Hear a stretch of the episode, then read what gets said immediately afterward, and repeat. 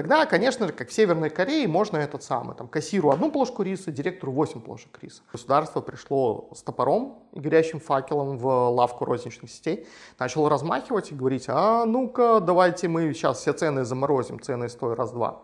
Ни один маркетолог мира не сможет победить мужика со списком. У нас же есть сеть Радивиловский. Она уже три банкротства пережила и сейчас активно движется к четвертому. В свое время в Беларуси супермаркет в каких-нибудь условных Бешенковичах открываешь. Праздник на три дня. Вся деревня гудит. Розничные сети, они, конечно же, как тараканы. Они там полностью не исчезнут, они выживут даже при ядерной войне.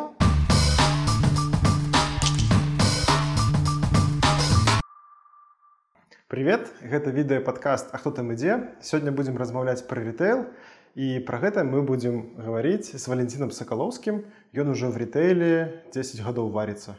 Правильно? Да, даже больше. Для тех, кто не знает, ритейл – это розничная торговля, то есть то место, где мы покупаем то, что мы хотим покушать, то, чем мы хотим починить наш дом, то, где мы одеваемся, электроника, алкоголь, все-все-все-все-все, то есть то, та, та то звено, которое служит передаче товара от производителя конечному покупателю, то есть нам. Я, да. Якая стала інфонагода для нашай размовы? Я пачытаў у навінах, што Віталюр в Беларусі ўжо ўсё, а я вельмі эту сетку любіў, ведаеш чаму? Таму што там быў класны аддзел маркетынга, кіраўнік яго. І за ўсё яны журналістамі класна працавалі. Вот пішаш ім які-небудзь каментар, і яны все табе хуценька зробяць. А по-другое, э, во флагманском магазине у них была смачная пицца. Там вот кафе, которое было внутри самого это магазина. на километре, которое? Нет, это который, который э, на Малиновке. А, ну да, там. Вось. И тому я вот подумал, что это добрая нагода поговорить в целом про ритейл, про белорусский и про польский, уже про европейский, про все, что сможем. Да, да, да. На самом деле поводов для Беларуси достаточно много. Для кого-то это плохой повод, как для Виталюра, для кого-то это хороший, как для Европта, который выпустил сейчас полугодовую отчетность, ну, вернее, отчетность за 22 год, за первые полугодие. Там в целом все достаточно неплохо у них. Поэтому в целом понятно, почему власть решила немножко розничные сети раскулачить. Ну, это шутка, конечно. Она, там розница, как и все, ощущает последствия кризиса, ощущает инфляцию. Вот. И даже несмотря на то, что я уже два года не работаю плотно непосредственно с белорусской розницей, все равно остались там друзья, знакомые, коллеги, э, общаемся, где-то какие-то штуки по Польше я им подсказываю, где-то они что-то про Беларусь рассказывают, поэтому... Давай с простого начнем. В какие белорусские крамы ты ходил? Я все равно на это отвечу как человек, который работал с розницей. Есть такая штука, э, называется магазин у дома. То, тот магазин, к которому идти ближе всего. И, соответственно, я всегда ходил в ближайшие магазины, которые давали какое-то качество товаров, которое мне нравилось. Это какой-то был совершенно не сетевой магазин. Ближе всего к дому был парничок, он же Радивиловский, он же сейчас, наверное, опять Радивиловский, или как там его обозвали, это государственная сеть. Мерзейшее качество, мерзейшие цены, мерзейшее обслуживание, поэтому, несмотря на то, что он был ближайшим, я его игнорировал. Не принципиально, а так исторически сложилось. Ходил в тот же самый, да, Виталюр флагманский, который они тогда объявили новым, новым, типа, первым объектом нового формата в Малиновке, потом этот формат расширяли, и, наверное, флагманским все-таки был тот магазин потом уже, который был на девятом километре рядом с их офисом. Там и по площади, по ассортименту он был, наверное, самым большим. Ходил в Простор, в гипермаркет, и ходил в Море Фиш, специализированный рыбный магазин, за свежей рыбкой, которую, к тому же, там еще и готовили. Чем я очень наслаждался, потому что сам готовить я рыбу не сильно люблю. Мясо, пожалуйста рыбу, дайте готовую и отойдите. Ну, вот про Виталюр ты расстроился, калі пачытаў эту навіну, что сетка фактично спыніла свои основания? Ну, нет, я расстроился гораздо раньше, потому что, в принципе, с начала 20 2022 года, даже, наверное, раньше, еще с начала 2021 года, было понятно, что розничные сети оказались в очень-очень непростой ситуации, а война и последующие за этим санкции, они реально просто, ну, как бы добили, можно сказать. Э, розничные сети, они, конечно же, как тараканы, они там полностью не исчезнут, они выживут даже при ядерной войне, потому что, ну, людям все равно надо где-то что-то покупать, где-то надо что-то добывать.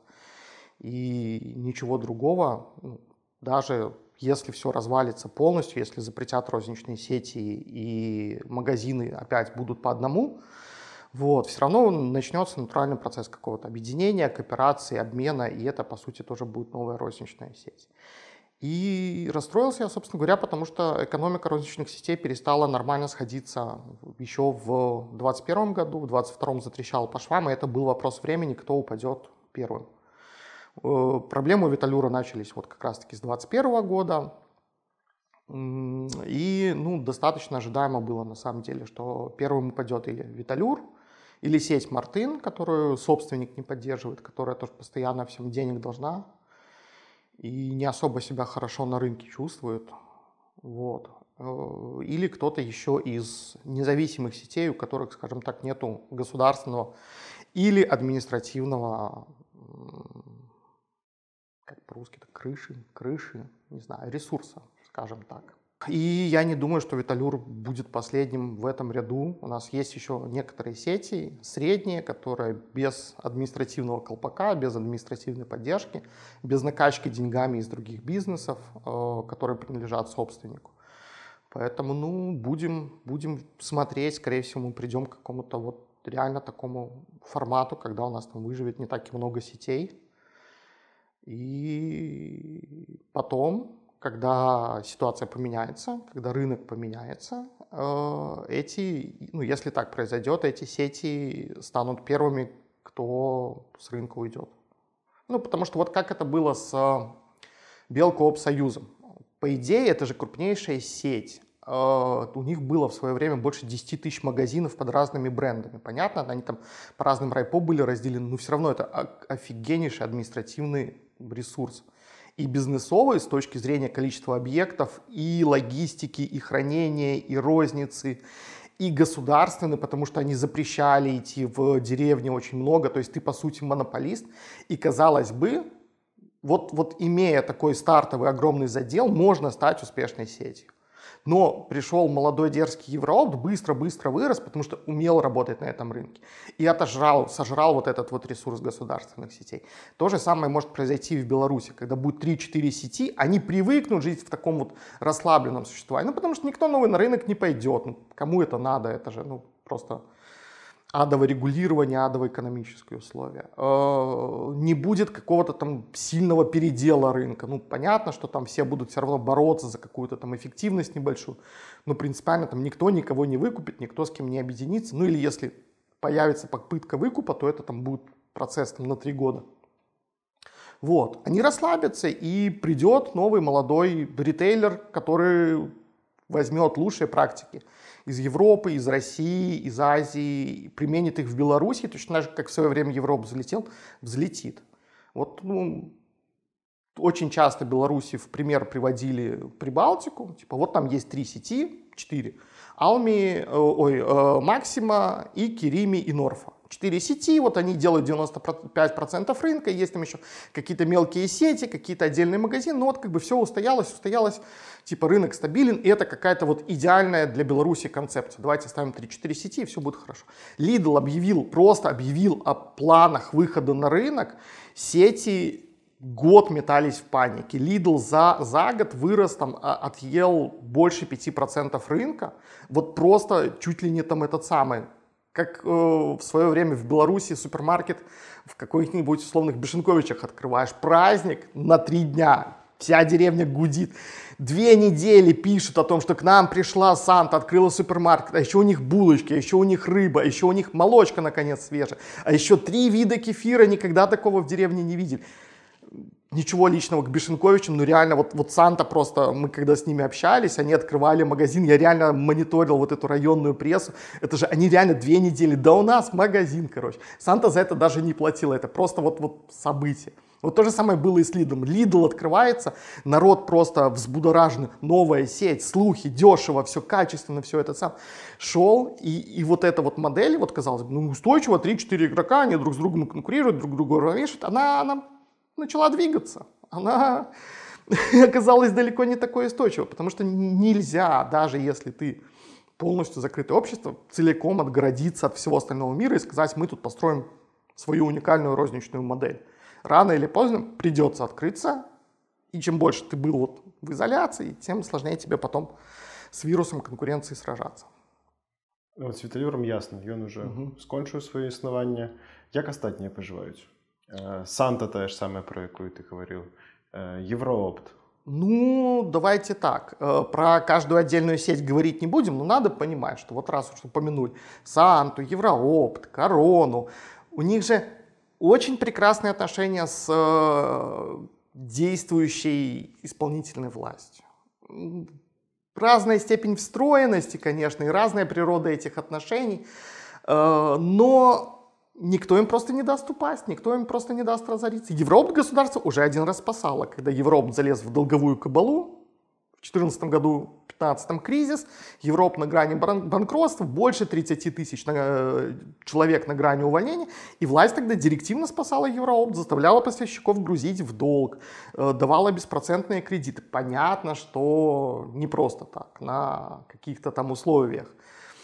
Вот. Но ну, надо понимать, что розница — это не только паразиты, про которых рассказывают нам с экрана БТА, это не только там какие-то люди, которые обирают простого покупателя, это люди, которые отвечают за достаточно сложный технологический, логистический и финансовый процесс, и это одни из крупнейших работодателей. Если что, в Европе работает народу больше, чем на Белпочте или Беларусьбанке.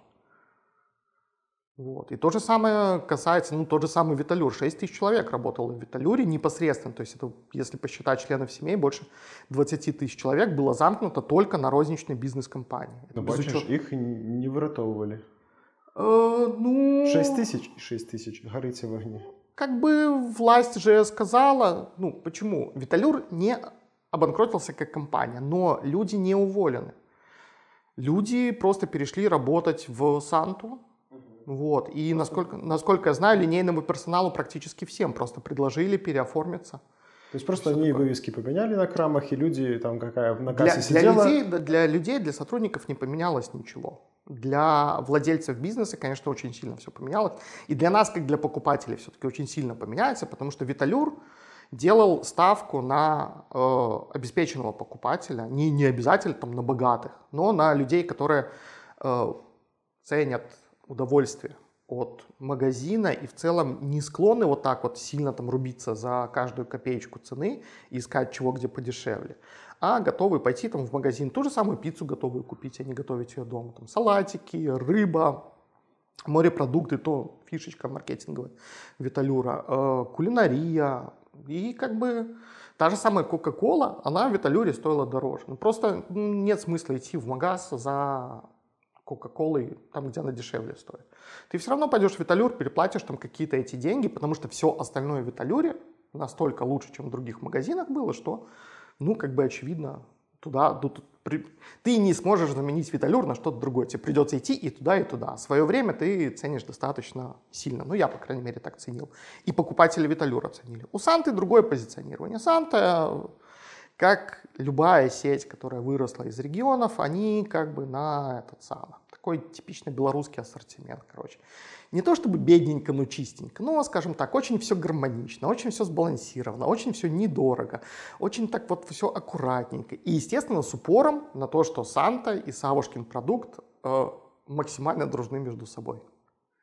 Вот. Не то чтобы это какое-то там нерыночное преимущество, на которое стоило бы Министерству торговли э, возбудиться, но как бы мы все живем в реальном мире и понимаем, что... Ну, Савушкин продукт и в других магазинах был. Я помню, что ты заходишь и хочешь выбрать какую-то другую марку, например, там любишь какой-то другой завод. И нельга. На заправках Беларусь нафты один Савушкин. Ну, тут уже немножко другие механизмы вступают в силу, потому что Савушкин объективно людям нравился, покупателям нравился. Соответственно, Савушкин для любой розничной сети – это бренд, который, во-первых, обязательно должен быть в наличии, потому что покупатель придет, он может прийти вполне именно за Савушкин, просто не будет вообще другие бренды рассматривать. Э, Есть разные покупатели, есть разные категории, где-то реально вот есть брендозависимая категория, где люди вот очень сильно зависимы от бренда, например, там шоколад или кофе. И для них вот, вот нету темного шоколада конкретной марки, они скорее не купят вообще никакой, чем там купят. Ну, молоко ты Да, любое вот. возьмешь. С молоком, конечно же, не совсем так, но Савушкин это же не только молоко, это глазированные сырки, которые очень брендозависимая категория, и срач на тему, что лучше, м, глазированный сырок с пандой или с девочкой, это как бы не на ровном месте возникло, это же прям реально вот идеологическая э, не знаю, как это, вот штука в голове у людей, которая абсолютно соответствует рыночным реалиям. Это вот принципиальная заруба двух производителей, двух отделов маркетинга, которая отражается на покупателе. Оно все не на ровном месте возникло. Вот. Я не исключаю того, что на самом деле отделы маркетинга, может, даже немножко и подлили, потушили бензинчиком этот разгорающийся костер.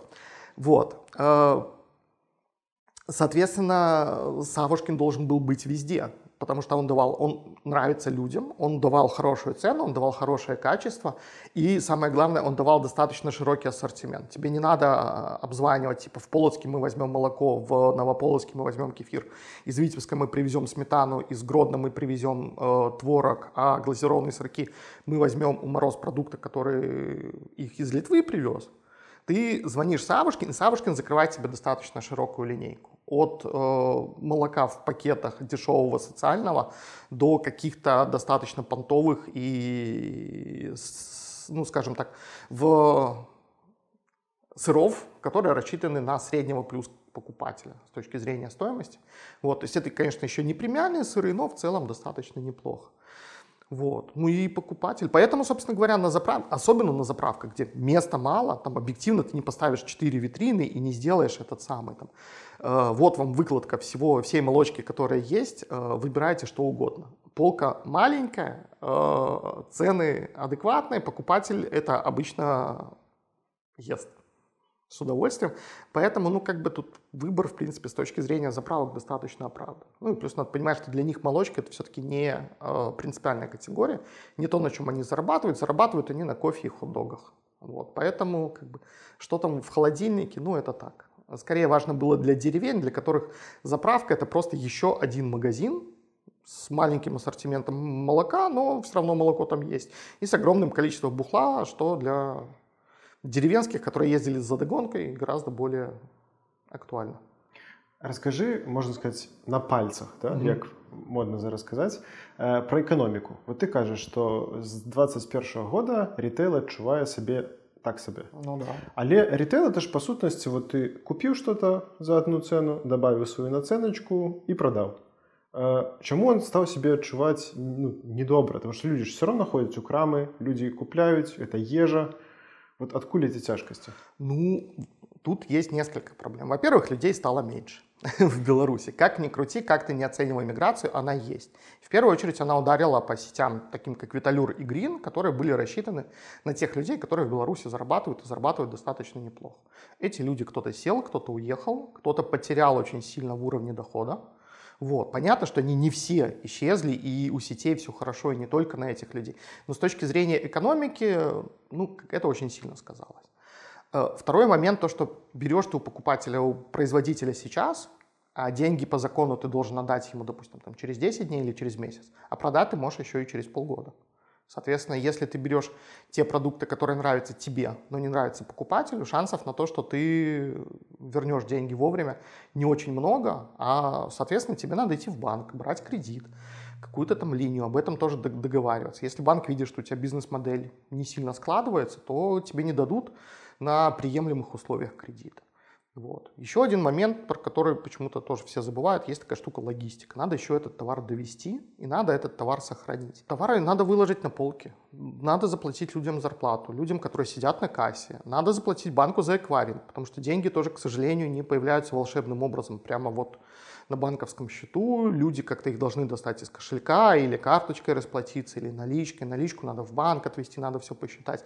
Бухгалтерию надо сбить, и отделы бухгалтерии в белорусских сетях в 2-3 раза больше, чем в любой другой стране, соседе Беларуси в сетях примерно одинакового размера.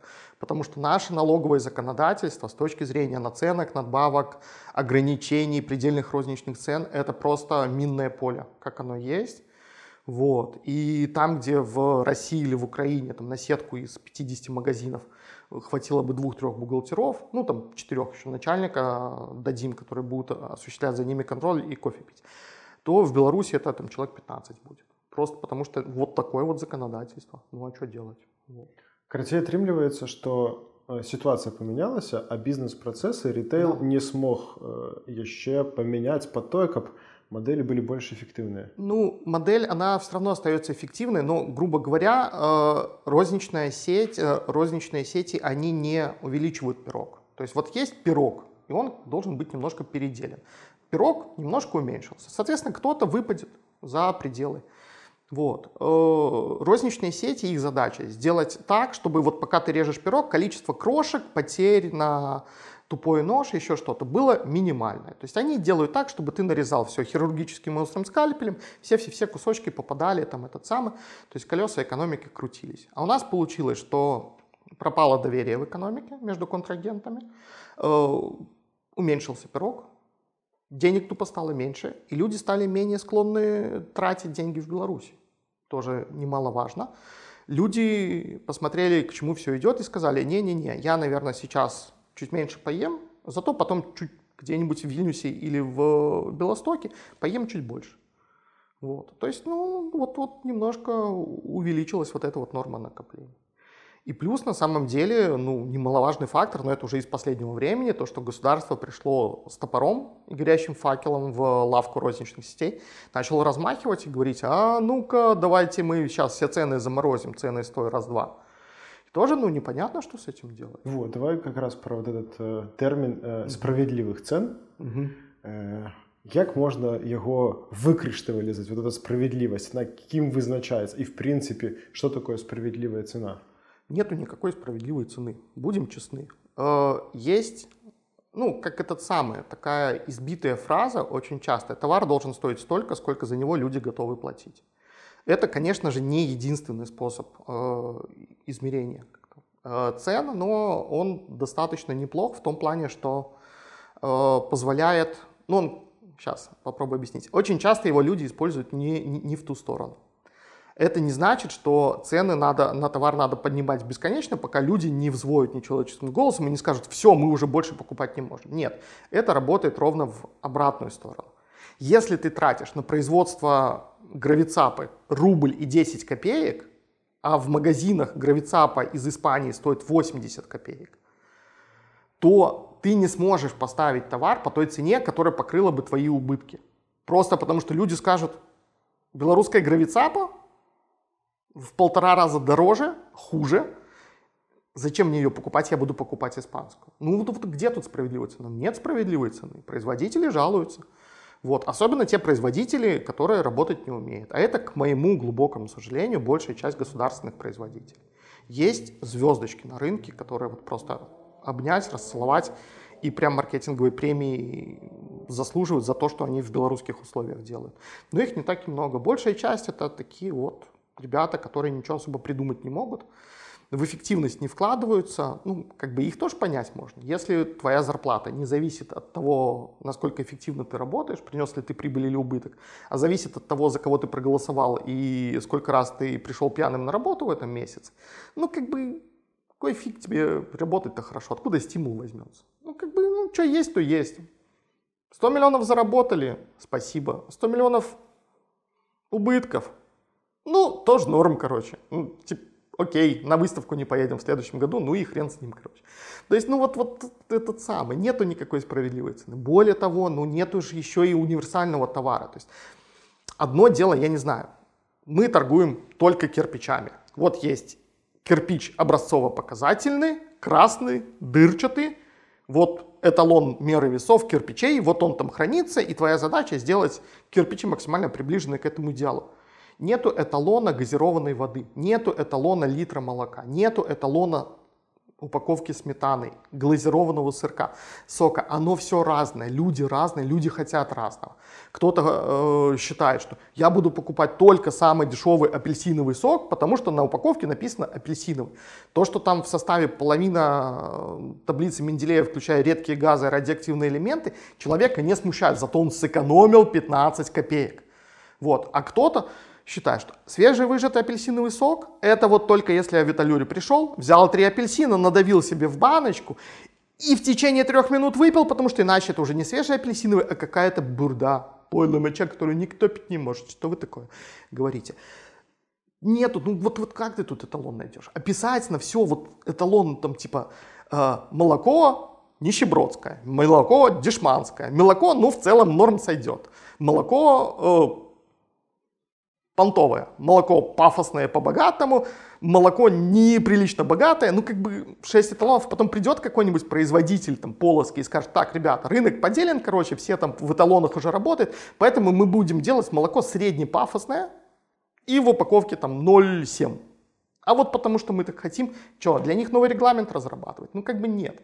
Попытка все это вот стандартизировать, она, она провалится. И даже то, что государство делает, типа давайте введем предельные надбавки, это же тоже не, не, не производство кирпичей и не доставка кирпичей грузовыми вагонами, когда вот ты все процессы идеально описал, вот у тебя есть какой-то идеальный процесс, и ты к нему стремишься у тебя начинаются, а здесь там логистика такая, здесь логистика сякая, здесь растаможка, не растаможка, здесь там экологические сборы такие есть, таких нету, а здесь детское питание, поэтому это платится так, а это платится так, и кредит там как-то в банках тоже по-другому там обслуживается. А здесь вот это, а здесь вот это, и попытка вот написать вот этот вот талмуд о том, как это все у нас работает, она приведет к тому, что его будут писать 5 лет, и за 5 лет все нафиг поменяется.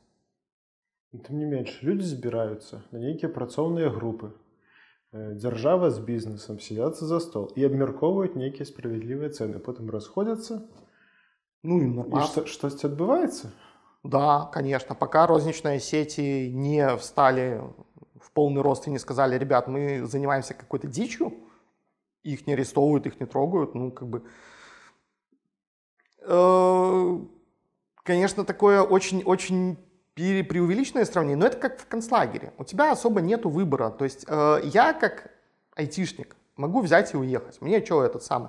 Рот закрыл, рабочее место убрал, ноутбук сложил, и вот я уже в Польше.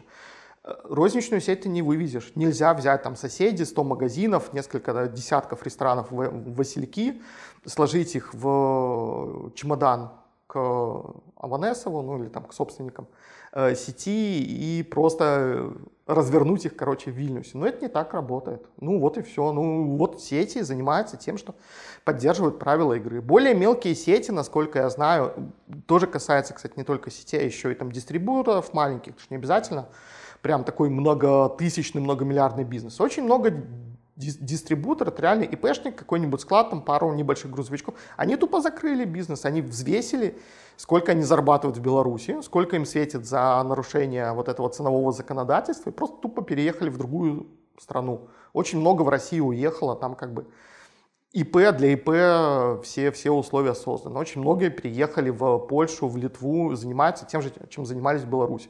У них такой же маленький оптовый складик, они какой-то там шоколад туда привезли, по магазинам каким-то, может, даже не сетевым его распихали. Ну, как бы себе на, на, на хлеб с э, икрой они заработают. Ну, вот и, вот и все, короче. А большие сети, они не могут так сделать, не могут э, свернуться и уехать. Поэтому они ходят и участвуют в театре абсурда пытаются на что-то повлиять, где-то там достучаться до регулирующих органов, где-то поискать какие-то лазейки в законодательстве, где-то договориться так, чтобы это законодательство было сформулировано, ну, скажем так, обтекаемо, или там появились какие-то очевидные лазейки в законодательстве, которыми сети обещают не злоупотреблять, чтобы никого не раздраконить.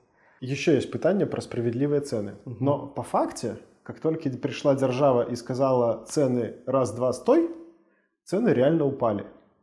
Да. Я бачу посты людей в Фейсбуке, там, в Инсте, они радовались, что ты сегодня там нават не продукты, а какие-то будаўнічыя матэрыялы плинтусик мог купить вот за 2 рубли, а тут стало рубль. И люди такие, вот, так можно ж, нормально. Ну, на это есть две причины. Первое, это, конечно, я розницу очень люблю, но не будем отрицать очевидного. Иногда они себя ведут как редкостные мудаки. Не то чтобы э, белорусская экономика этому не способствовала, но они всегда перестраховываются, они всегда закладывают максимальное количество финансовых рисков, то, что к ним завтра придет комитет или любое другое маски-шоу, то, что завтра доллар будет по 5, То, что послезавтра доллар будет по 5, э, то, что собственнику нужен новый Майбах, то, что у кого-нибудь говорит, горит квартальная премия, надо срочно там нарастить выручку, или там для банка надо показать какую-то отчетность более приятную для того, чтобы там ставка по кредиту была чуть-чуть меньше. Розница же работает с оборота, и все, что нам кажется маленьким, ну вот таким вот, типа одна копеечка или там, там Э, одна десятая процента. На объемах розницы, любой большой достаточной, даже средней розничной сети, это конкретно ощутимые деньги. Мой любимый пример в этом, когда одна из сетей объявила э, лотерею, ну, как обычно, там, типа, выиграй квартиру. Для этого надо было купить э, шоколадный батончик, и она ровно на время акции, на неделю, по-моему, или на две, подняла цену на этот батончик на 3 копейки. Они только на этом заработали 40 тысяч долларов чистыми. Только, только на том, что вот цена на батончик на 3 копейки поднялась. Поэтому власть пришла, стукнула кулаком по столу, и там, где розница немножко расслабленно себя вела, где вот все риски позакладывал, он как бы, выбирая между я чуть-чуть завтра не, не, не дозаработаю, и за, я завтра заеду на три года, э, сказал, так, ребята, окей, резервы мы того этого самого, короче, давайте риски учитывать более либерально, Сделаем так, чтобы цены были более приближены к тому, за что нас не посадят.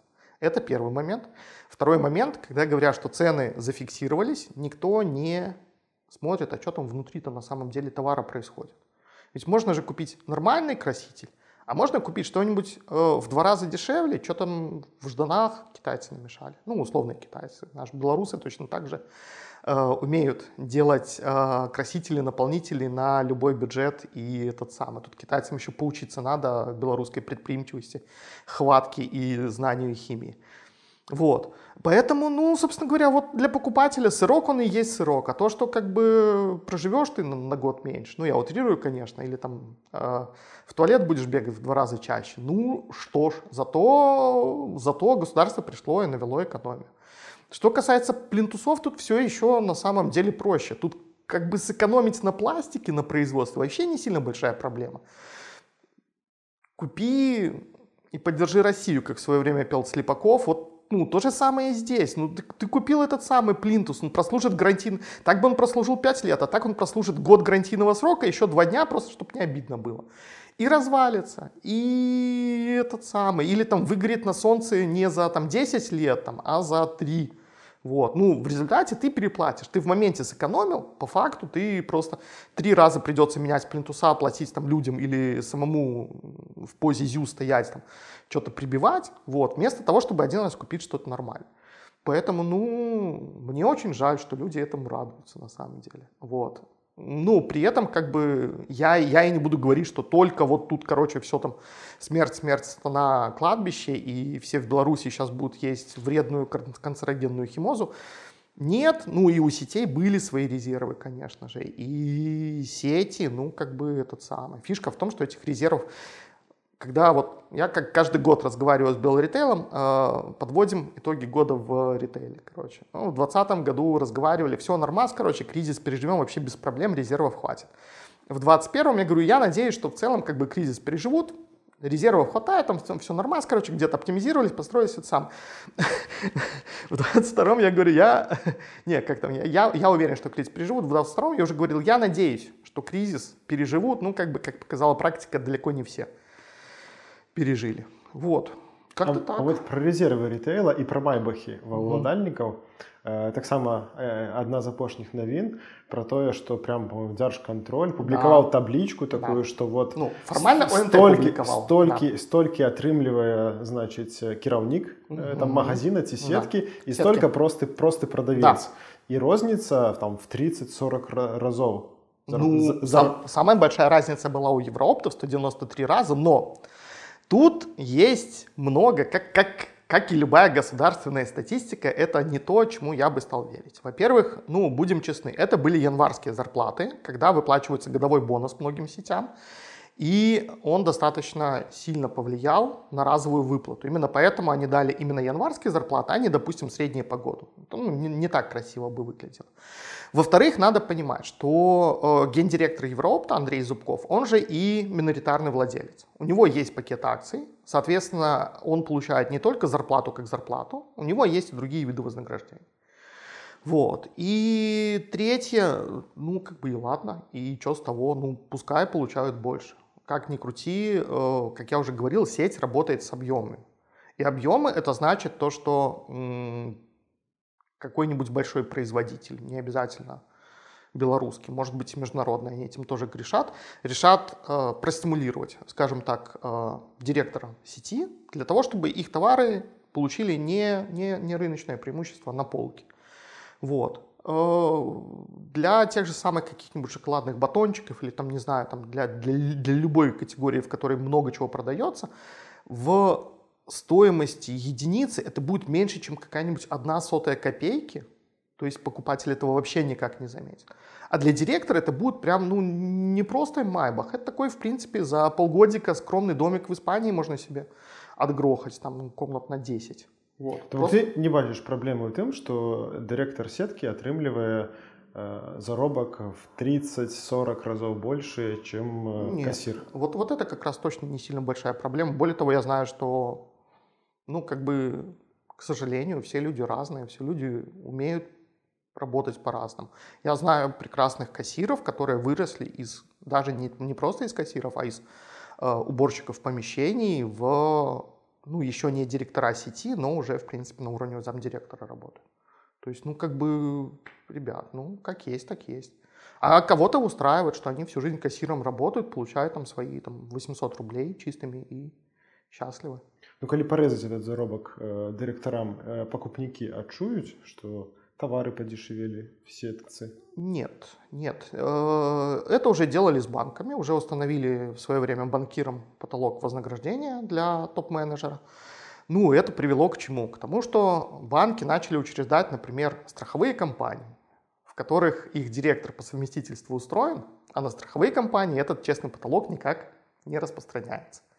Или, например, лизинговые компании, а, в которых их директор по совместительству устроен, а на лизинговой компании, соответственно, этот потолок тоже никак не распространяется.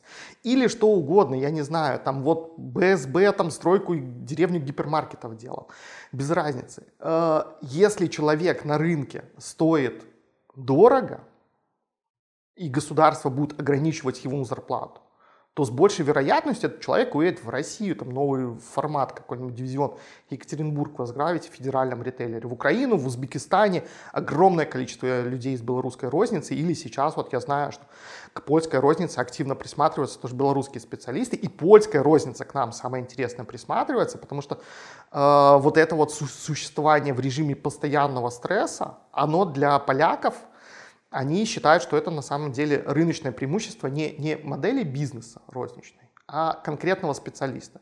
Вот это вот, скажем так, творчес, э, творческая жилка, умение мыслить не шаблонно и творчески читать нормы законодательства. Вот, вот для белорусов они считают, что это характерно, и в целом как бы на какие-то средние позиции уже, я знаю, ну, пока пассивно ищут, но в целом как бы дорога не закрыта. Вот. Но при этом в, новин, в новинах агучвалася формула такая справедливая зноў ж все у нас по справедливости павінна быть, что 1 до 8 значит вот тысячу атрымлівае кассир значит 8 тысяч павінен атрымліваць э, кіраўнік сетки ну для банков это было 1 к 10 ну как я говорил схемы всегда найдутся самая простая схема все очень просто всех кассиров переводим на 0,75 ставки нанимаем э, кассиром племянника директора платим ему 20 тысяч долларов в месяц, он у нас один такой в сети, и от его зарплаты считаем справедливое вознаграждение директору. А все остальные, ну как бы, они как бы кассиры, но мы их назовем, например, кассир-оператор. Ну, легко, очень легко схемами манипулировать. Это вот этот самый, как с шоколадкой, которая весит 90 грамм. На полке ты смотришь, шоколадка стоит столько же, просто она теперь на 10 грамм дешевле. Или там пиво 0,45, когда там производитель рассказывает, это у нас просто, мы такую итальянскую линию купили, или немецкую, которая только в 0,45 умеет разливать. Поэтому никаких честных пол-литра, вот теперь у нас все будет 0,45. Найти схемы обхода не сильно большая проблема. Вот. Э, и еще раз повторюсь, ну, как бы, вот когда построят огромную, и если построят огромную-огромную бетонную стену, запретят всем выезд из Беларуси, в том числе и в Россию, тогда, конечно же, как в Северной Корее, можно этот самый, там, кассиру одну плошку риса, директору 8 плошек риса. Хотим ли мы жить? И готовы ли мы в таких условиях говорить о развитии чего-то? Ну, come on, большой вопрос, на который вопрос достаточно очевиден.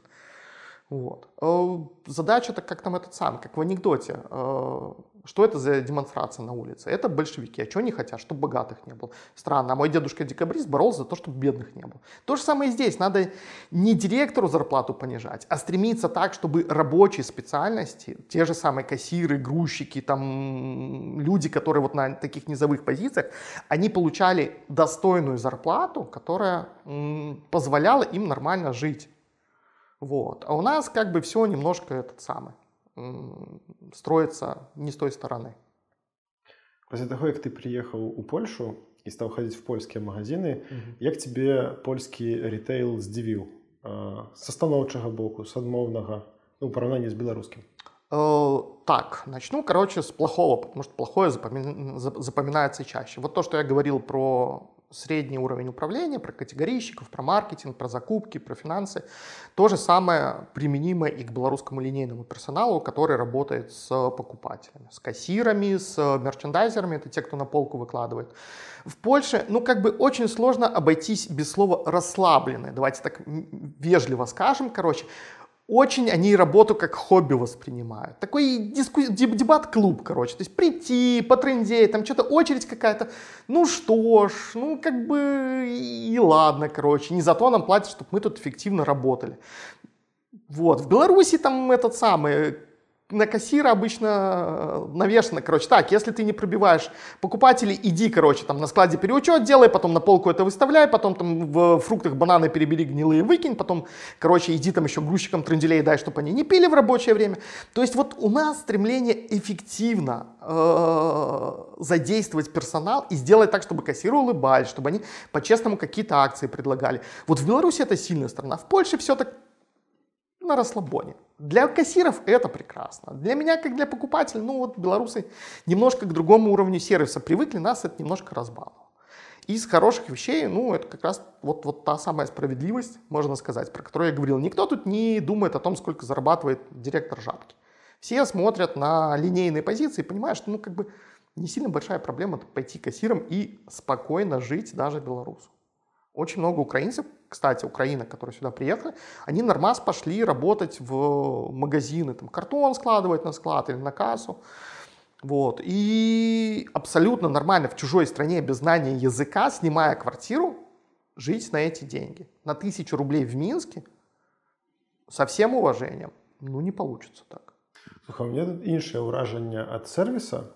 В беларуси сапраўды кассиры они прям машины. Они чук чук чук чук чук на кассе попикали три человека черга это уже проблема. А тут все как ты кажешь правильно все спокойно на расслабоне. Но при гэтым я могу у чарзе постоять больше в польской краме на кассе но меня это не раздражняет. Я бачу что человек працуе как-то вот как ты кажешь, как хобби, праца как хобби.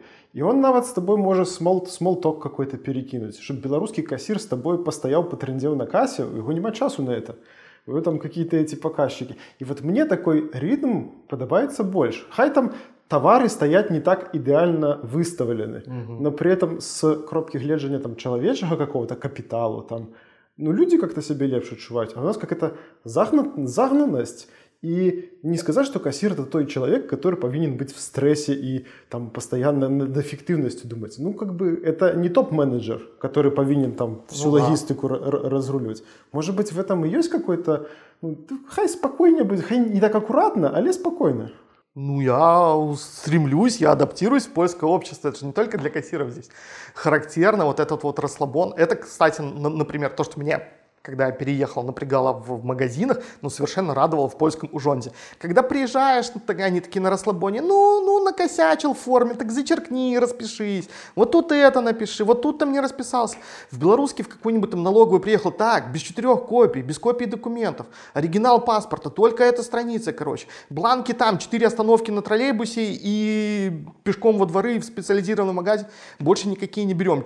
Ксерокопия в другую сторону две остановки и там три километра бегите через пустырь, короче, и у вас там 45 минут, потому что мы закроемся, потому что гладиолус. Здесь все так, все, все неспешно. И я учусь, да, но вот как бы первое впечатление, то, что меня очень сильно как бы злило, наверное, поначалу, вот, я, я не мог. Поэтому я для себя с удовольствием открыл кассы самообслуживания, они натурально работают быстрее, вот, и этот самый. При, при том, что я как в Беларуси как раз наоборот с кассирами смолтокал, потому что, ну, как бы надоедает с вечно загнанными топ-менеджерами или там руководителями отделов, которые там этот самый лишние 15 минут потрендеть, сразу начинает счетчик тикать, короче, денежка, денежка, денежка, сколько я потерял, сколько я там документов не, не проанализировал, не подписал. А с кассиром так на расслабоне, просто улыбнулся, все. Э, ласковое слово, всем приятно, короче. Вот. А то, что порадовало, на самом деле, это, ну, сейчас попробую сказать, разнообразие подходов в ритейле. Потому что у нас все стремятся делать какую-то ну, одну модель с небольшими вариациями. И это не проблема того, что какое-то там мышление у маркетологов узкое или загнанное, или все там типа э, на одни курсы сходили и все делают. У нас законодательство реально не позволяет нормально развернуться. То есть вот это вот стремление все стандартизировать, давайте внедрим типизацию торговых точек, давайте сделаем там какой-нибудь обязательный ассортимент, давайте сделаем там вот это вот регулирование цен. Стремление вот это все ограничить, оно приводит к тому, что как бы у сетей пропадает право на эксперимент. Оно может и не взлетит, этот эксперимент. Ну, как бы люди попробовали, а вдруг найдутся те, то достаточное количество людей, которые, допустим, не масс-маркет, но им вот это вот понравится. Не знаю, там, булочная от Евроопта, или там сколько бились э, сетки, там соседи, ГИПа и тот же Европ для того, чтобы сделать пиццерии прямо в торговом зале. Это же прямо вот, ну, такое рубилово там шло с чиновниками, потому, просто потому что сидит тетя, у нее KPI не опоздать на работу и уйти вовремя, короче. Ей вот этот вот геморрой, там, какие-то санстанции, какой-то еще... Зачем? Ей проще отказать и не париться. Вот вот этого права на эксперимент белорусов решили. А у поляков с этим все четко, короче, этот самый. Сегодня ставим так, завтра ставим так. Не взлетит, поставим по-другому. Запускаем эту пироженку, там никаких тебе ни технических карт, ни утверждения рецептур, ничего такого. Сделал, сделал, дын-дын-дын. Там, жабка нано. Э, самое большое количество робо-магазинов в мире, в стране, в Польше. Это жабка нано, их больше, чем ну, в прошлом году их было больше, чем во всей Европе вообще вместе взято, и сейчас уже не совсем так. Скажем, что Жабка Нана — это магазин, который да, это... без людей, который ты просто заходишь, набрал чего хочешь, вышел, и оно все у тебя пробило по кассе, списалось с карты. Да, причем автоматически, то есть не надо там пикать на робокассе еще что-то этот сам. В прошлом году они, когда запустили приложение, было три разных приложения. Одно там жабка основная, другое жабка нано, третье для верификации. Потом их стало два, сейчас они объединили это все в одном. В Беларуси бы пока не сделали какой-то идеально выверенный, идеально вылизанный, какой-то со всех сторон вот не подкопаешься проект, ну, никто бы не этот самый. А тут ребята попробовали, ок, взлетело, формат интересный, работаем дальше.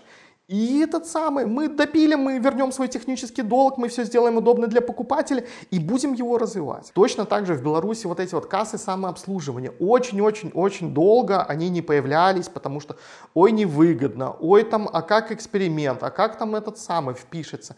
И вроде как и понимание есть, но вот этот вот барьер как бы чего не вышло. Понятно, что друзья из розницы это посмотрят, там и напишут мне, что ты, Валентин, это все чистая экономика, чистая экономика, никакой психологии не было. Ну, come on, знаем мы все на самом деле, э, и психология тоже очень сильно влияла. Если ты захочешь, ты сдел, запустишь эксперимент, как бы розницу в том, что она боится экспериментировать в Беларуси, ну, как бы упрекнуть нельзя. Вопрос в возможностях.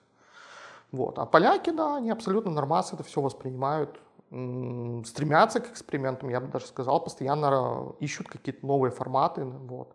Мне вельмі падабаецца у іх маркетынгавай актыўнасці которые яны робяць mm -hmm. Таму что в Беларусі я памятаю что табе прислаць эту газетку і ты глядзіш цены ну трошки танней но чтоб я вот прям пашоў за бананам на 50 копеек танней в магазин я не пойду э, прислали некие смс но там такие наборы товаров были, которые я никогда не, не куплял. Вот специально для вас выбрали, ну такой, да я в житті, в житті это не куплял.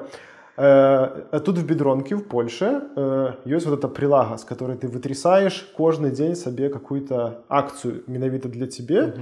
и они прям, ну, по-перше, акции в грошах нормальные, а по-другому это какой-то элемент геймификации что такое, о, ну-ка, что там сегодня потрясем, и ты вытряс себе какой-нибудь паштет там в половину тоннее, думаешь, о, нормально, я таки купляю, пошел за, за паштетом. Перед Новым годом у нескольких сеток э, в мобильных прикладаниях был адвент-календарь.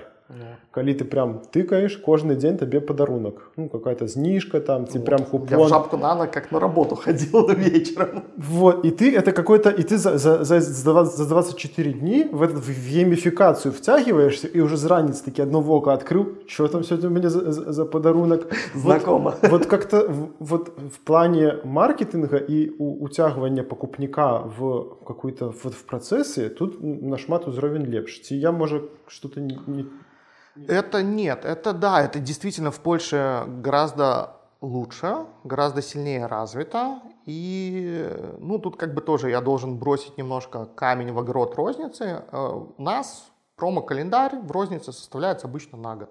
То есть ты заранее с производителем все согласовал, внезапные распродажи, скидки по поводу и без повода, оно все в год на, на год вперед согласовано обычно, заложено в бюджете, эти деньги посчитаны, посвоены, по, э, освоены, потрачены, короче. Вот, здесь все-таки чуть, чуть больше, с одной стороны, стихии, э, и с другой стороны, ну, все-таки надо учитывать еще и то, что в Беларуси розница не настолько э, имеет ресурсы финансовые для того, чтобы действительно какие-то офигенные такие вот акции пилить постоянно. Э, одна из топовых акций в Польше, это ящик пива за полцены. Там реально, когда Бедронка или кто-нибудь еще объявляет, э, поляки, которые там пиво-то могут не особо и любить, все равно идут, ну, потому что скидосы. В Беларуси нельзя так сделать, потому что ты можешь делать акцию на пиво, но ты не можешь об этом вообще никак заявлять, даже цветные ценники ставить. Вот. И у меня в Минске, например, у меня брат учился тогда в универе, у них был специальный чатик, люди просто ходили по сетям, смотрели, где какое пиво на акции есть, то есть студенты, и просто скидывали в студенческий чатик, типа, все сейчас идем там в Радзивилловске, а сейчас идем в Рублевске, а сейчас идем там еще куда-нибудь, чисто за дешевым пивом.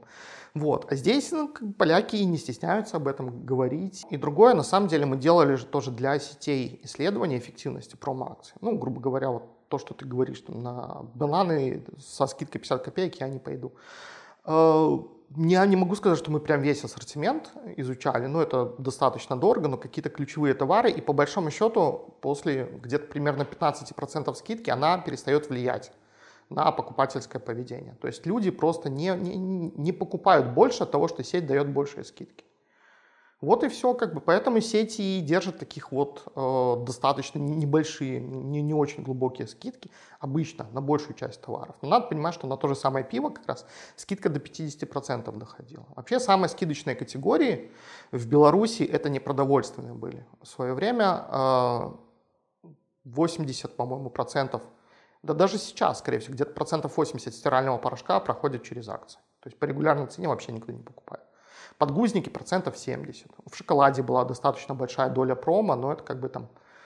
Тут как раз глубина промо не сильно большая была. И у нас ситуация была в стиральных порошках в Беларуси, когда э, люди перестали воспринимать ценность бренда. То есть они шли в магазин и покупали тупо порошок, который на акции. То есть не было вот, вот вся вот эта вот реклама, типа там тает, сохраняет все цвета, ласка, магия черного, ариэль, э, альпийская свежесть. Оно все проходило мимо людей, потому что цена и промо, короче, даже не регулярно, а промо-цена единственный критерий выбора был. И производители не могли из этого, эта штука называется промо-спираль. То есть для того, чтобы быть более эффективным на рынке, ты должен дать скидку еще больше, чем конкурент. А тебя еще и сети жмут. Говорят, а почему ты там островую частоту дал такую скидку, дай-ка мне тогда еще глубже, потому что мои покупатели к нему шли, короче. И вот эта вот промо-спираль приводит к тому, что разрушается экономика у сетей, потому что никто не покупает по нормальной цене, и у производителей, потому что производители вынуждены покупать, э, продавать ниже, чем себестоимость. И вот тогда два года просто тупо шли перезапуски всех линеек, вот всех международных брендов именно для белорусского рынка. То есть поуходили там все рекламы, которые были раньше, и вместо, там, не знаю, там, Тайда, там, альпийская свежесть появилась морозная, ну, я условно говоря, там, бренды, условно, вместо альпийской появилась морозная свежесть, там, Ариэль, там, вместо, там, черного для цветного появился, короче, там, вместо, там, Ариэль белого, там, какой-нибудь, там, Ариэль, там, кристальный стал, ну, что-нибудь такое. Ровно потому, и, конечно же, они сразу сказали, не-не-не, ребята, все, давайте, давайте прибивать, короче, промо-активность, потому что иначе, ну, вот, вот в этой категории это просто разрушило вообще полностью все, все, всю, всю работу всех сетей и производителей. Вот. Ну, просто потому что, когда я пришел за сыром, и сыра на акции нема, а я хочу сыр, я куплю и без акции сыр. А порошок, ну, я похожу тыдень и поназираю, коли будет акция, я куплю. Коли сегодня акции нема, ну, наступный раз приду. Люди разные. Вот ты, например, без сыра готов ждать, а много людей без сыра не готовы ждать, короче. Вот. Они придут, скажут, что сыра на акции нет, вернее наоборот. Ты вот купишь сразу, а люди такие, что сыра на акции нет, ну фиг с ним, неделю похожу, подожду, пока он появится. У всех своя покупательская стратегия в разных категориях. И, ну, как бы и производители, и сети за этим следят. И я не могу сказать, что поляки как-то более пристально следили, там, более глубоко анализировали. Нет, просто, ну, как бы, если общая экономика сети в целом норм, то у тебя больше права на эксперименты, больше права на то, чтобы, а давайте попробуем бесплатно раздавать шоколадки мелкие посмотрим, насколько у нас увеличится в целом выручка.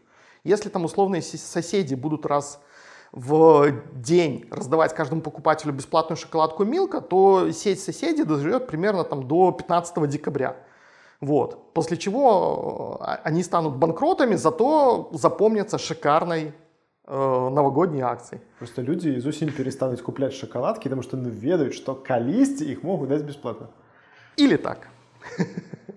Ты правильно про акции говоришь, когда вот люди там этот самый хотят получить какую-то акцию, по сути низкую цену на те товары, которые они покупают, и в целом как бы им там выбор не особо важен. Ну вот есть у них какие-то товары, которые они берут и их это устраивает, так и родился, собственно говоря, формат дискаунтера. Э, сетка Aldi, которая в 70-е годы, по сути, стала пионером всего этого дела, они просто тупо не месяц жили в семьях покупателей, то есть проводили исследования, смотрели, как люди ходят в магазин, анализировали их покупки и посчитали, что в целом как бы где-то 800 товаров достаточно для того, чтобы закрыть 80% потребностей любой семьи.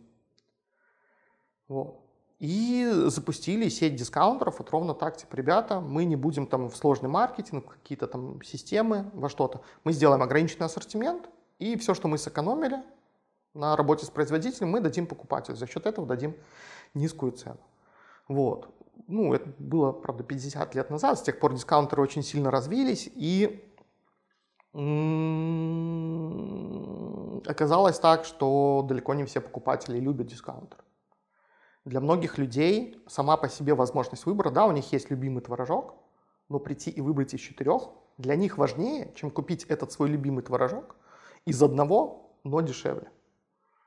Есть люди, которые просто хотят прийти, ну, окей, творожки там, ладно, ты более-менее понимаешь, что будет. Но если это чай, или это и шоколад, или вино, какие-то категории выборов, в которых, в которых у тебя нету вот таких вот прям железобетонных э, привычек, любимчиков, э, убеждений, чего такого. Тебе надо прийти повыбирать. Вот. И ну, сети к этому адаптировались розничные. И есть дискаунтеры, есть розничные сети. Иногда они перетекают друг в друга, иногда этот самый. Промо-акции здесь нету какой-то, ну и вообще низкие цены, нету прям какой-то, я же говорю, единой методички, единой книжки, типа делай так и будет счастье. Покупатели в разных странах вообще по-разному себя ведут.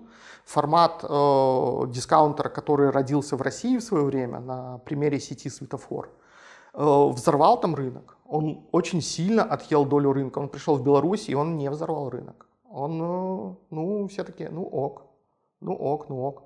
Он сожрал тех людей, которые, ну как не сожрал, он привлек тех людей, которые любят низкие цены, которые готовы, как там этот самый, э, мы когда исследование проводили по восприятию цен, у нас была э, стереотипная персона, бабушка, которая готова ехать 8 остановок, потому что в том магазине пакет молока на 3 копейки дешевле. Вот. Вот, вот светофор в Беларуси привлек таких людей, и все, и на этом остановился, а больше никого особо и не привлек.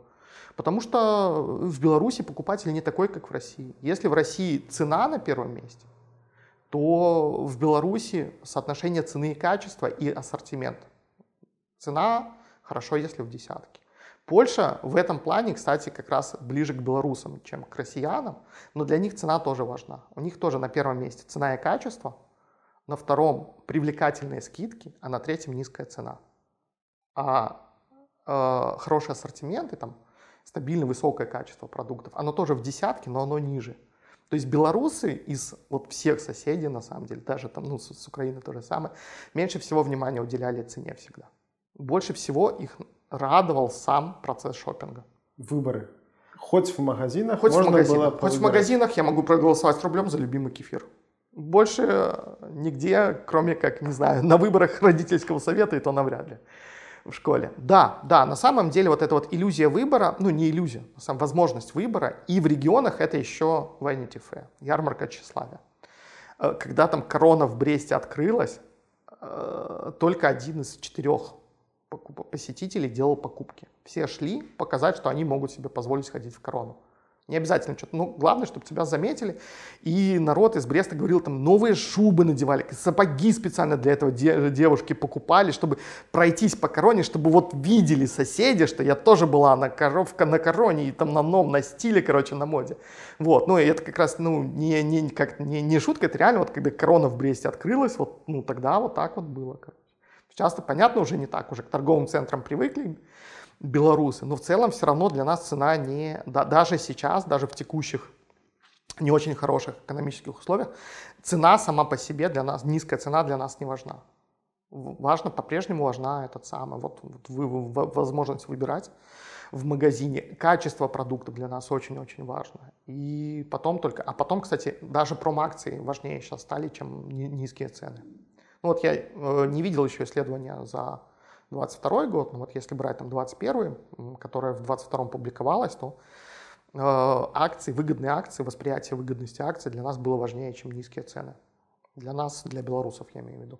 Но в той час, когда у нас стали возникать светофоры, у меня в некий, э, ну, в некий момент возникла такая как бы боязнь, что они заменят весь ритейл, потому что ну, в регионах, я не, в Минске, может, не так, но в регионах люди реально стали активно туда ездить, и я сам, ну, вот признаюсь, я ездил в светофор. Так это нормально. Я Это, не- конечно, дивноватый магазин, ну, в плане э, ассортимента, потому что там были такие товары, которых ты ни, ни разу нигде не бачил, и они выглядают как мороженое, а написано что-то не мороженое, что-то что-то другое. И, ну, некоторые продукты просто стрёмно там было куплять, и ты один раз купишь сыр, который выглядает как сыр, приезжаешь до дома, а это не сыр, это что-то слепленное там с пластилина, я не, я не ведаю з чого. Ну да. Але ведаючы, што ўзровень там доходаў в Беларусі падае, то ну, была такая асцярога, што светафораў стане больш больш больш і мы прям ну, как бы будем вымушаны купляць такія прадукты. Ну, на самом деле оно же не взлетело. Ну, так не произошло. Э, Это привело к тому, что те сети, которые не смотрели на формат дискаунтеров, тот же самый Евроопт, они просто запустили свои дискаунтеры. Э, Там, да, там тоже товар может быть странных брендов, там больше собственных торговых марок, там ниже цены, чем в магазинах. Но при этом качество там грошика и качество шопинга в светофоре – это прям небо и земля, надо признать. И да, когда светофор открывался, у них были толпы на открытии, люди шли, кто-то смотрел, говорил, я тут ничего покупать не буду, уходил. Кто-то что-то для себя находил, но это всегда лотерея. Это всегда не гарантированное качество, не гарантированный ассортимент, не гарантировано то, что тот товар, который ты знаешь, что качественный, и тебе нравится, у него со сроком годности все хорошо. Поэтому э, это же розничная сеть никогда не работает в моменте. Типа собрали всех людей, это не, не, не инфо-цыганщина. Тони Робинс собрал стадион, э, здесь не работает. Здесь ты собрал всех людей, у тебя куча народа отсеялась, а зарабатывать ты должен на потоке. Как я уже говорил, сеть всегда должна работать с оборота. Вот. И у светофора, ну, так не сильно получилось. То есть они вполне вероятно где-то э, эффективны в Беларуси, не сильно много денег теряют, может даже уже там прибыльные. Они очень секретные товарищи, не делятся никакими э, финансовыми отчетами, но надо понимать, что то, что у них получилось в России, вообще не получилось в Беларуси. То есть они не были там прибыльны. На, на момент моего отбытия они были убыточны. Вот. Несмотря на то, что, казалось бы, людей туда ходит достаточно много, но как бы а, тоже надо понимать, люди зарабатывают по-разному. Не все работают кассирами, кто-то работает и директором магазина. И белорусы в целом у нас, э, если так глобально посмотреть, нету драматической разницы между самыми богатыми и самыми бедными. Мы не Россия и не, Белор... и не Украина. У нас все-таки э, более равномерное общество, и это значит, что люди, которые зарабатывают нормально, средний, не сильно много, но и не сильно мало, их достаточно много, и это, и это правда. И такие люди, они не будут ходить в светофор долго. То есть они могут туда сходить, если вот, ну, все там, 5 дней до зарплаты, надо что-то кушать, а денег вообще в обрез. А, они ну, не будут туда ходить регулярно, они будут, не будут там оставлять много денег. И опять-таки, соответственно, кого светофор привлечет? Тех людей, у которых денег мало, которые ну, выживают. Есть и такие люди в Беларуси. У нас 4% населения за чертой бедности живет. Куда они будут ходить? Они не будут ходить в Европу, для них это дорого. Они будут ходить в светофор. Им плевать на качество продуктов, им надо, ну, как бы, кушать что-то. Вот. Это, это печально, но как есть, так есть. Э, или, ну, они бухают, им важно, важно, чтобы была там дешевая алкашка. А там как бы, ну, что, еда, без разницы, что есть. Там уже без разницы. Вот. Поэтому и у светофора экономическая модель не сильно складывается, потому что они не привлекают тех людей, которые тратят много в магазине, тех людей, которые тратят за, скажем так, товары не первой необходимости, на которых обычно розница и зарабатывает. Они привлекают тех людей, у которых бюджет жестко рассчитан, все там распланировано там, чуть ли не до копеечки, вот, и которые покупают ровно все под список. Вот как там в анекдоте, короче, ни, ни один маркетолог мира не сможет победить мужика со списком покупок. То же самое и здесь. Вот в светофор реально приходят очень жестко распланированные товарищи, которые четко понимают, сколько они на что готовы потратить, ничего, скорее всего, не купят дополнительно. И в случае, если Евроопт в своем дискаунтере сделает чуть лучше акцию, они моментально поменяют светофор на дискаунтер грошек. Или там, если условная Санта запустит дискаунтер и сделает акцию там, люди вообще без лояльности, без всего просто возьмут и уйдут. И светофор никак их удержать не сможет. У него нет рычагов влияния, кроме цены, на людей, которые в свою как это, покупательское поведение закладывают критерий только низкой цены и выгодных акций. К Виталюру, тому же самому, про который мы говорили, у него была бешеная лояльность среди покупателей. Даже когда у Виталюра были не самые хорошие времена, люди ходили в Виталюр. Люди оценивали его все равно высоко. Они готовы прощать сети косяки, какие-то там с ассортиментом. Они готовы прощать сети более высокие цены, просто потому что их прет сам процесс шопинга, они реально лояльны к нему. И точно так же у Евроопта, как не ругали там Еврооптом и бананы, и не бананы, и грузчики плохие, и там товары этот самый, и никогда я сюда не пойду, сплошное гнилье. Лояльность у Евроопта была бешеная. Это тоже, ну, нельзя этого отрицать. Покупатели Европы, они любили именно тот формат, они понимали, да, с бананами есть шанс поиграть в лотерею, возможно, желудочно-кишечную. Но в целом-то никто как бы массово не травился, все принимали правила игры, и их это перло. То есть не надо вот опять-таки тоже возводить там порядок в абсолют, короче, сделать там, давайте сделаем идеальные витрины и все такое. Нет, люди, люди допускают разумную долю хаоса, если они понимают, что соотношение цены и качества товаров в целом, не конкретной категории, не конкретного наименования, а в целом того, что они берут, их устраивает.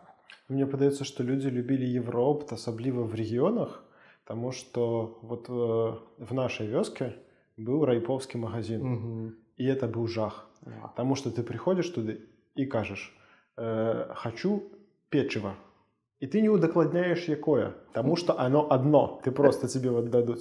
Ты кажешь, хочу сгущенки, тебе нема сгущенки. Ты не выбираешь там Рогачевское, там нема сгущенки, и ты думаешь, ну тогда цукор, ну что-нибудь солодкое. Вот, вот узровень як бы выбора І потым калі в ракаве адкрыўся замест райповскага магазина дабраном это нават не Европ, а дабраном mm -hmm. это просто вот узровень подняўся як да, да неба Тому что ты приходишь, там стал ремонтик больше-меньше, выбор стал, цены какие-то ну, нормальные. В то время Доброном еще Европу частично принадлежал, это сейчас они разошлись и финансово, и управленчески, а тогда, да, многие стандарты Европы внедрялись. Я а, про то, что когда пришли вот эти магазины с сучасными стандартами в райцентры, в города поменьше, там, в вёскі, ну, люди адчулі вот этот узровень і таму вот крэдыт давера і как-то репутацыя была прям вот ну класна потому что мы, мы бачылі як это могло быць і як стало Ну, оно и в Минске же то же самое было. Парковка на монтажников на Гипере, она всегда была забита народом, который специально ехал, потому что это Евроопт самый большой.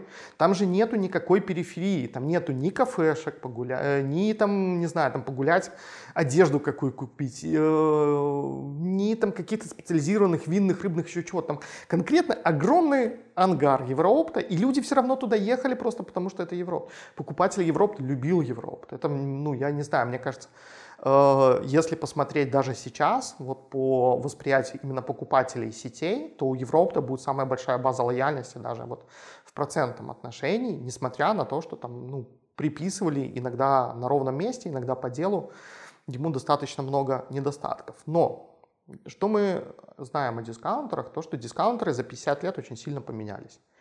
И э, вечно происходит так. На самом деле тот же самый Aldi, который запустился с ограниченным ассортиментом, с низкими ценами, сказал, мы не тратимся там на маркетинг, на выкладку, еще там на что-то.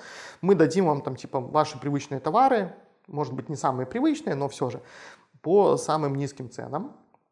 Вот, они росли, росли, росли, росли и стали в целом нормальными магазинами удобно, стали нормальными супермаркетами, потому что поняли, что люди приходят в магазин, им нужна выпечка, им нужна все равно там свежая группа, там фрукты, овощи, им все равно нужна какая-то молочка, им все равно надо какое-то мясо, э, им все равно хочется, чтобы там был человек, который следит за порядком в торговом зале. Да, там они там не тратятся на оборудование, еще на что-то. Вот. И привело это к тому, что сейчас есть две больших модели дискаунтеров, которые, несмотря на то, что называется одинаково, в целом немножко по-разному э, работают с точки зрения экономики.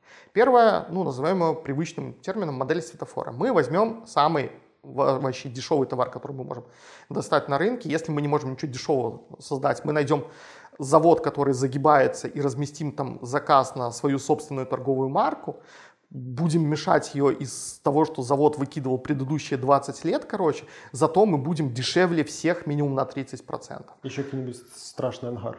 Э, да, и то же самое касается помещений. Мы возьмем какое-нибудь максимально неприспособленное к рознице помещение, которое вот сдают просто за копейки, типа, ребята, платите коммуналку, и слава богу, что оно мне убытки не приносит там поставим каких-нибудь самых дешманских стеллажей, все накидаем в этот самый.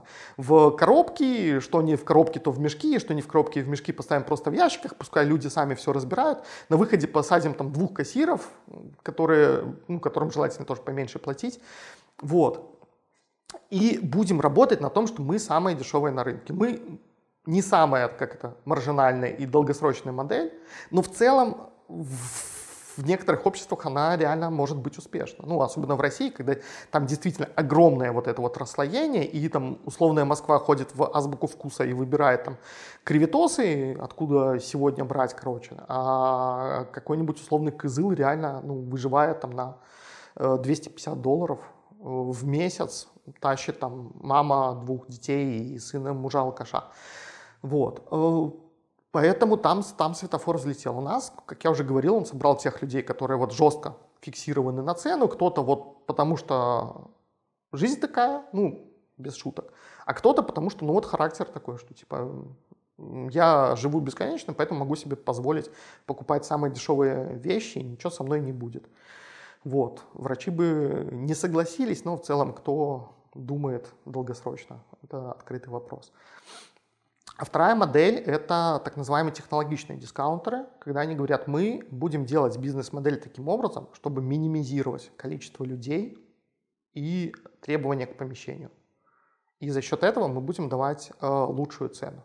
То есть да, они что взяли? Они взяли ту же самую дешевую, например, выкладку, но вместо того, чтобы искать дешевые товары, они берут привычные товары, просто, например, достаточно существенная статья расходов, хранение товаров. То есть это должен быть или там логистический центр, или склад в магазине. Это не производительная площадь. Ты все равно платишь как ритейлер за нее аренду, но у тебя нету с нее выторга, это служебная площадь. Ну, то есть ты, ты выручку с нее не понимаешь, получаешь. Дискаунтеры, которые отказываются от этого склада. Что для этого надо? Значит, надо возить чаще и надо возить ровно столько, сколько у тебя выкупят, чтобы минимизировать вот эту вот необходимость складов. Соответственно, ты покупаешь офигенную математическую модель, которая чуть ли не в режиме реал-тайм у тебя все прогнозирует, и этот сам. Следующий момент, вот э, ты привез палету сока, и это может быть на три дня. Но треть палеты сока тебе ввести невыгодно. Зато ты можешь на эти две трети оставшиеся палеты погрузить молоко, кефирчик, бананы, стиральный порошок. Чего-то, что тебе палетой тоже в магазин вести невыгодно. Но если ты привезешь все грузом, ну вот одним, то уже в целом и норм, и это окупится. То есть, опять-таки, ты вкладываешься в инфраструктуру, в IT-инфраструктуру, в работу на складе для того, чтобы иметь возможность не тупо там получил фуру от э, производителя и фуру уже отправил себе в магазин, а делать вот эту вот комплектацию заказов не на уровне удобном там грузчику или там э, в Excel считать, а именно умным образом, для того, чтобы на этом экономить. А у нас, ну, как бы никто не хочет вкладываться в сложные модели. Почему? Потому что они окупаются не за первый год, даже не за первые полгода. Это ну, минимум 3-5 лет. Надо с форматом работать, учить модели, как-то учитывать какие-то изменения, еще что-то. Никто в Беларуси сейчас тупо на 5 лет вперед не думает. Тем более никто не думает в рознице. Ну, потому что завтра клюнет кому-нибудь, короче, этот самый. И скажет, а теперь мы запрещаем импорт кроме того, который ввозит, например, энергоойл Алексина. И все. Вся математическая Вся твоя модель. математическая модель этот самый.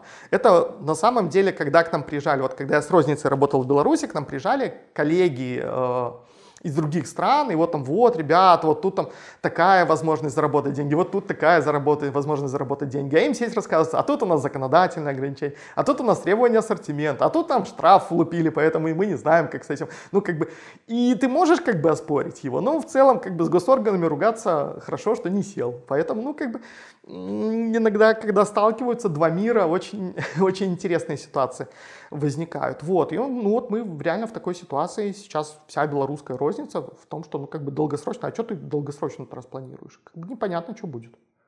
Ну, слухай, ну калі в такой ситуации в Беларусь прыйдзе, напрыклад, расійскі ритейл з іх новымі там фарматамі, можа матэматычнымі мадэлямі.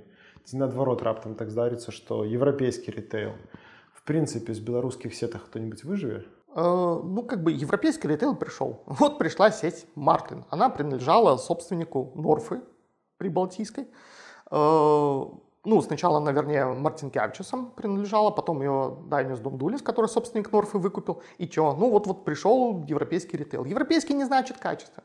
Люди приходят, еще раз повторюсь, когда люди приезжают с другой совершенно культурной парадигмой, не все модели, которые работают здесь, даже в Польше, можно вслепую применить в Беларуси. Просто потому что это может не сработать из-за административных ограничений, законодательных, из-за другого поведения покупателей, из-за каких-то там, ну, непредсказуемых факторов. Все надо адаптировать. И в этом плане, конечно же, сети навряд ли умрут. Они точно перестроятся, они точно адаптируются к новому игроку. Что касается россиян, россиянам не интересно идти в Беларусь. Зачем? Э, если ты думаешь, что вот эти вот э, экзерсизы про там справедливую зарплату для директора смотрят только БТ и иммигранты в Польше и переживают, как хорошо, что мы не там, а здесь, то нифига подобного. Россияне смотрят, и какой-нибудь директор э, Магнита, который зарабатывает, извините, миллионы долларов в год, только зарплаты, без опционов, бонусов и всего такого, он думает, и в чем прикол? Чего, чего я на этом рынке такого заработаю, что это должно стоить мне возможности посадки. Чего ради идти в Беларусь? Токсичный не только для там, европейского бизнеса, не только для украинского бизнеса, для российского бизнеса точно так же. И все это ценовое регулирование точно так же затевалось для того, чтобы поддержать белорусских производителей. А в результате тот же самый Европ стал увеличивать все сетки, не только, абсолютно все сетки начали в разы увеличивать закупки в России. Да потому что там тупо дешевле. Ну все, если у тебя есть стоит там предельная цена на глазированный срок рубль, и ты не можешь ее там, ну, поднять этого выше рубля, то ты не пойдешь больше покупать у Савушкина продукты, которые тебе грузит по 95 копеек. Ты пойдешь покупать у какого-нибудь ООО э, Смоленские скотомогильники глазированные сырки, который продаст за 50 копеек. Ну, тебе жить на что-то надо, у тебя в эти вот разницу между ценой, по которой ты покупаешь и продаешь. Тебе надо платить аренду, коммуналку, налоги, зарплаты, э, более-менее обновлять оборудование, автомобильный парк, еще что-то, там расходов достаточно много. Вот. А государство вот влезло и сказало, нет, всем должно хватать 30% надбавки. Так не хватает 30% надбавки. Смешная ситуация была с этими, с овсяными хлопьями экстра. Когда, короче, покупали с завода, условно говоря, ничьих коммерческих цен не разглашаю, покупали по, условно по 45 копеек, продавали по 2, ну, по рублю. С одной стороны, это больше 100% надбавки, с другой стороны, ну, елы-палы, но это овсяные хлопья, такая вот не валообразующая, не самая популярная категория, не самое популярное наименование. Завод счастлив. У него там с себестоимостью все отлично, отгрузочки все этот сам. И сеть счастлива, она э, худо-бедно для этих овсяных хлопьев покрывает затраты, и что-то даже на этом зарабатывает, плюс они обязаны в ассортименте быть по закону, поэтому, ну, как бы, и ладно, и счастье есть, все, все довольны. Пришло государство, сказало, 30% максимум. Сеть посчитала, и стала покупать хлопья в России по полтора рубля. Потому что у тебя вот от полутора рублей твои 30 процентов это и есть те самые 50 копеек, которые у тебя сидели в прибыли и, грубо говоря, окупали полку, транспорт, логистику, зарплаты и так далее, и так далее. И белорусский производитель говорит, да елы-палы, ребята, вы тут классно вообще отечественных производителей поддержали, вообще как боженьки молвили, и у нас отгрузки упали на 40 процентов. Поддержали. Справедливая цена? Справедливая цена. Кому хорошо? Понятно, россиянам хорошо. Сколько покупатели тебе платят? Правильно, в два раза дороже. Все по закону, все по закону. Ну, как есть, так есть. И все. И вот с дешевыми категориями оно так и было. И все ломанулись в Россию, потому что вот у тебя есть импортная цена. Идите в Минторге, пообщайтесь с россиянами, спросите, какая у них цена, попросите там документы, короче. Короче, в экспансию российского ритейла ты не веришь? Да, ну, смысла нету. Зачем? Не имела баба завод, купила порося. У них отлично экспансия идет в Россию, Дальний Восток и даже, грубо говоря, территория за Урал. Сибирь, она вообще была не освоена федеральными ритейлерами. Там вот, вот сейчас идет там огромное количество э, магазинов стало бесхозными, скажем так, короче. То есть много крупных региональных сетей от Иркутска до э, Новосибирска разорились сейчас, они входили там в э, торговый союз, и их потихонечку выкупают и инкорпорируют в себя, ну, собственно говоря, федеральные ритейлеры. У них отлично прям в России есть куда развиваться. Им Беларусь для этого вообще не нужна. Они в противоположную сторону смотрят. И это же тоже не быстрый процесс. Нельзя просто так там по мановению руки, оп, 60 магазинов купил, и завтра они у тебя все работают. Нет, даже когда Санта покупала Рублевский, например, э, процесс унификации шел ну, без малого год. То есть это касается и юридической, то есть при заключении всех договоров с людьми, с арендой, с поставщиками там, ресурсов, э, при заключении договоров с поставщиками, причем на тех условиях, которые где-то у Рублевского были лучше. И надо теперь поставщику сказать, так, чуваки, я понимаю, что мы там три месяца назад договорились как Санта, но теперь мы хотим другие условия. А у поставщика тоже, у него все энишки посчитаны, у него все это самое же распланировано и там на байбах слюнки тюкают, э, капают. А как бы тут надо передоговариваться. А хорошо это, если белорусский производитель. А если это какой-то глобальный производитель, который там сходил на переговоры, послушал внимательно, пишет там штаб-квартиру в Швейцарию, что нам делать там этот самый. И 14 тысяч клерков это читают и делают 10 совещаний о том, что нам делать, короче, с этим. Вот. То есть федеральные ритейлеры отлично, отлично заняты освоением российского рынка, запуском новых форматов. Надо же этот самый, э, разоржавшийся светофоров немножко того этого самого кусочек пирога отбирать. Более того, красное и белое взлетело. Это сеть алкомаркетов. И у них впервые в прошлом году в выручке, ну, насколько я знаю, возможно, у кого-то другие данные, это как бы по слухам, скажем так, выручки, э, доля алкоголя стала меньше 50% по выручке. То есть они тоже стали форматом магазина у дома. И вот надо этот опыт тоже творчески понять, переосмыслить и применить в России и непонятно каким форматом. Плюс там идет активный уход э, зарубежных игроков с рынка. То есть, ну вот уйдет Ашан, уйдет Леруа Мерлен, например. Надо же тоже как-то эти ниши осваивать. Где-то какие-то площади, где-то какие-то там рыночные ниши есть. Вот. Ну, то есть, как бы, а им Беларусь-то и зачем? В российский ритейл ты не веришь, что он придет? А ці веришь ты, что беларуская держава створыць дзяржаўную сетку ритейлерскую, которая вось будзе адным з буйных игроков? Так уже же создали. У нас же есть сеть Радивиловский. Она уже три банкротства пережила и сейчас активно движется к четвертому. Я когда с ними разговаривал, они говорят, это сеть. Они прям в прессе это писали. Это будет сеть 21 века. Мы всех затмим, короче. Вот. Э, государство не умеет в розничную торговлю, потому что розничная торговля это уже, я же говорю, сейчас не формат получил фуру э, или там получил вагон от поставщика, отправил 4 фуры в магазин. Это реально там IT, IT-департамент в условном российском магните или там в Ашане, он огромный на самом деле. Точно так же, как и в банках сейчас.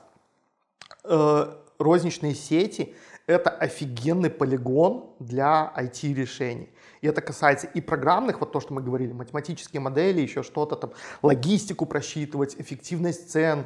Сейчас там модная тема динамическое ценообразование, то есть учет разных факторов и то, что происходит на рынке, на то, какая цена в магазинах. Но это же еще и э, то, что называется модным словом phygital, объединение физического и цифрового. Те же самые робокассы, ну вот, вот это phygital и есть. И ты не можешь просто надеяться на то, что у тебя есть какой-то поставщик решение, которое закроет все твои вопросы. Тебе это надо все поддерживать, интегрировать в свои сети, как-то э, учитывать работу, оценивать эффективность. И государство с этим очень дерьмово справляется. По одной простой причине государство это, как я уже говорил, у них нет стимула.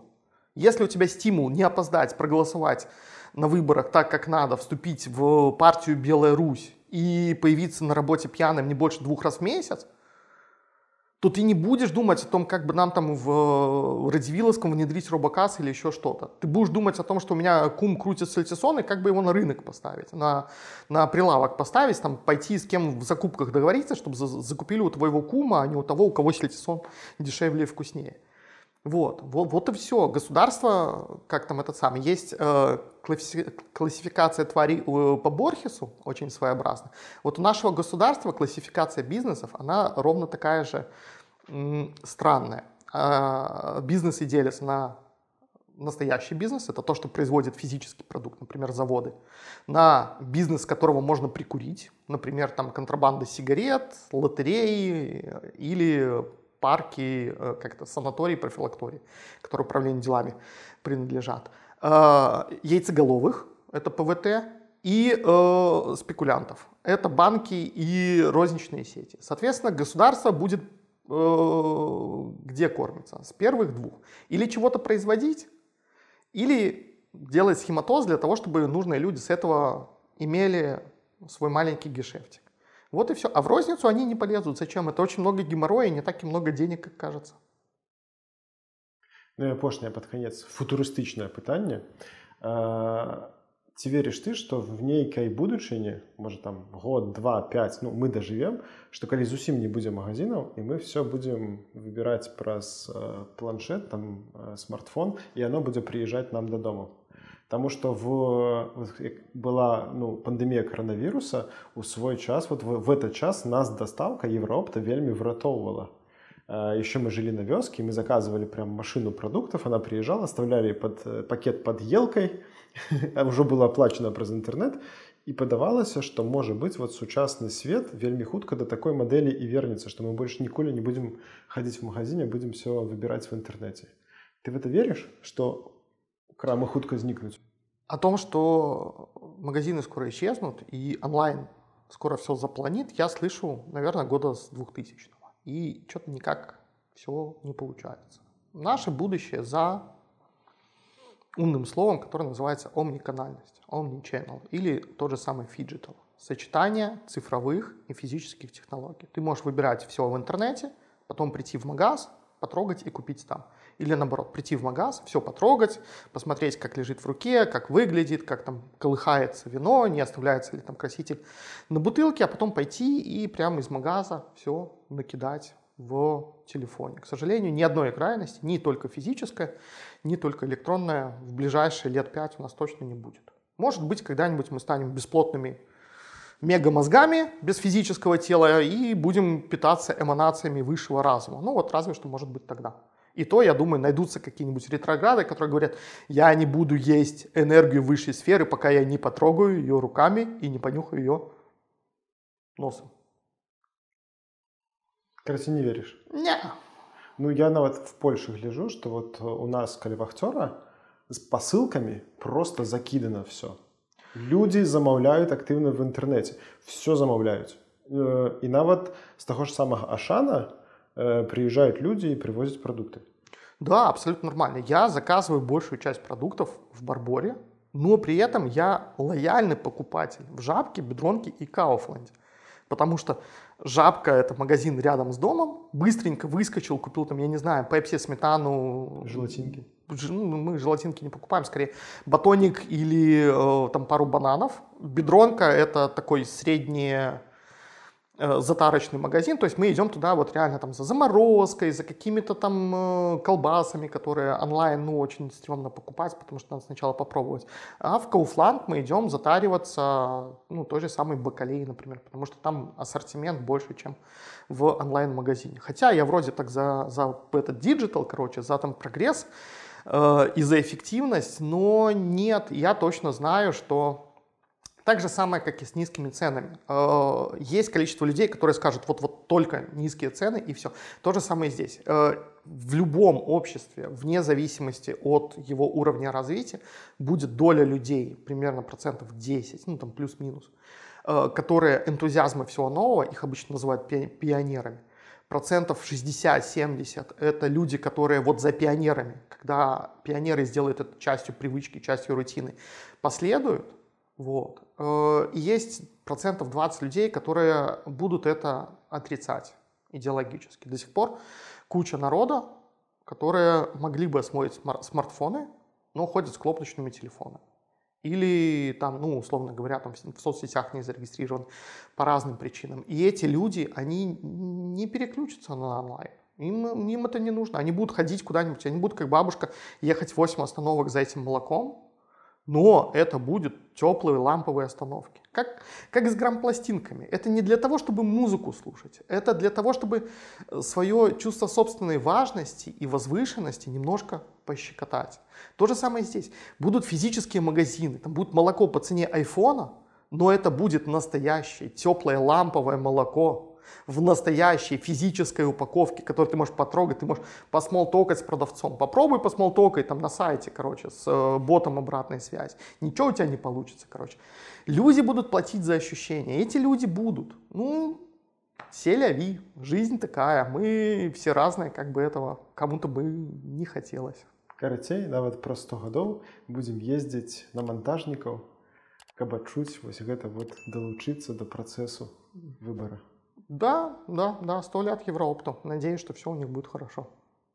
Добро. Дякую тебе за размову. Взаимно. Спасибо. Ходила мать по магазине, марновала гроши на пустую.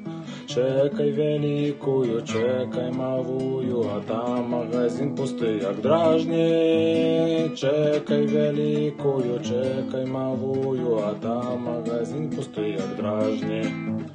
Ах, белорусский магазин, что с тобой робить яны? Дети голодают, маці плачуть, але цяжка трапіць у іншы магазин. Дети голодают, маці плачуть, але цяжка трапіць у іншы магазин. Была колбаса покруится, смоленый масло для капелюшки, а цибуля с бульбой дорогая, тут бедным дорога. А цибуля с бульбой дорогая, миновита тут бедным дорога. Ах, белорусский магазин, что с тобой робить яны? Дети голодают, маці плачуть, але тяжко трапить в інший магазин.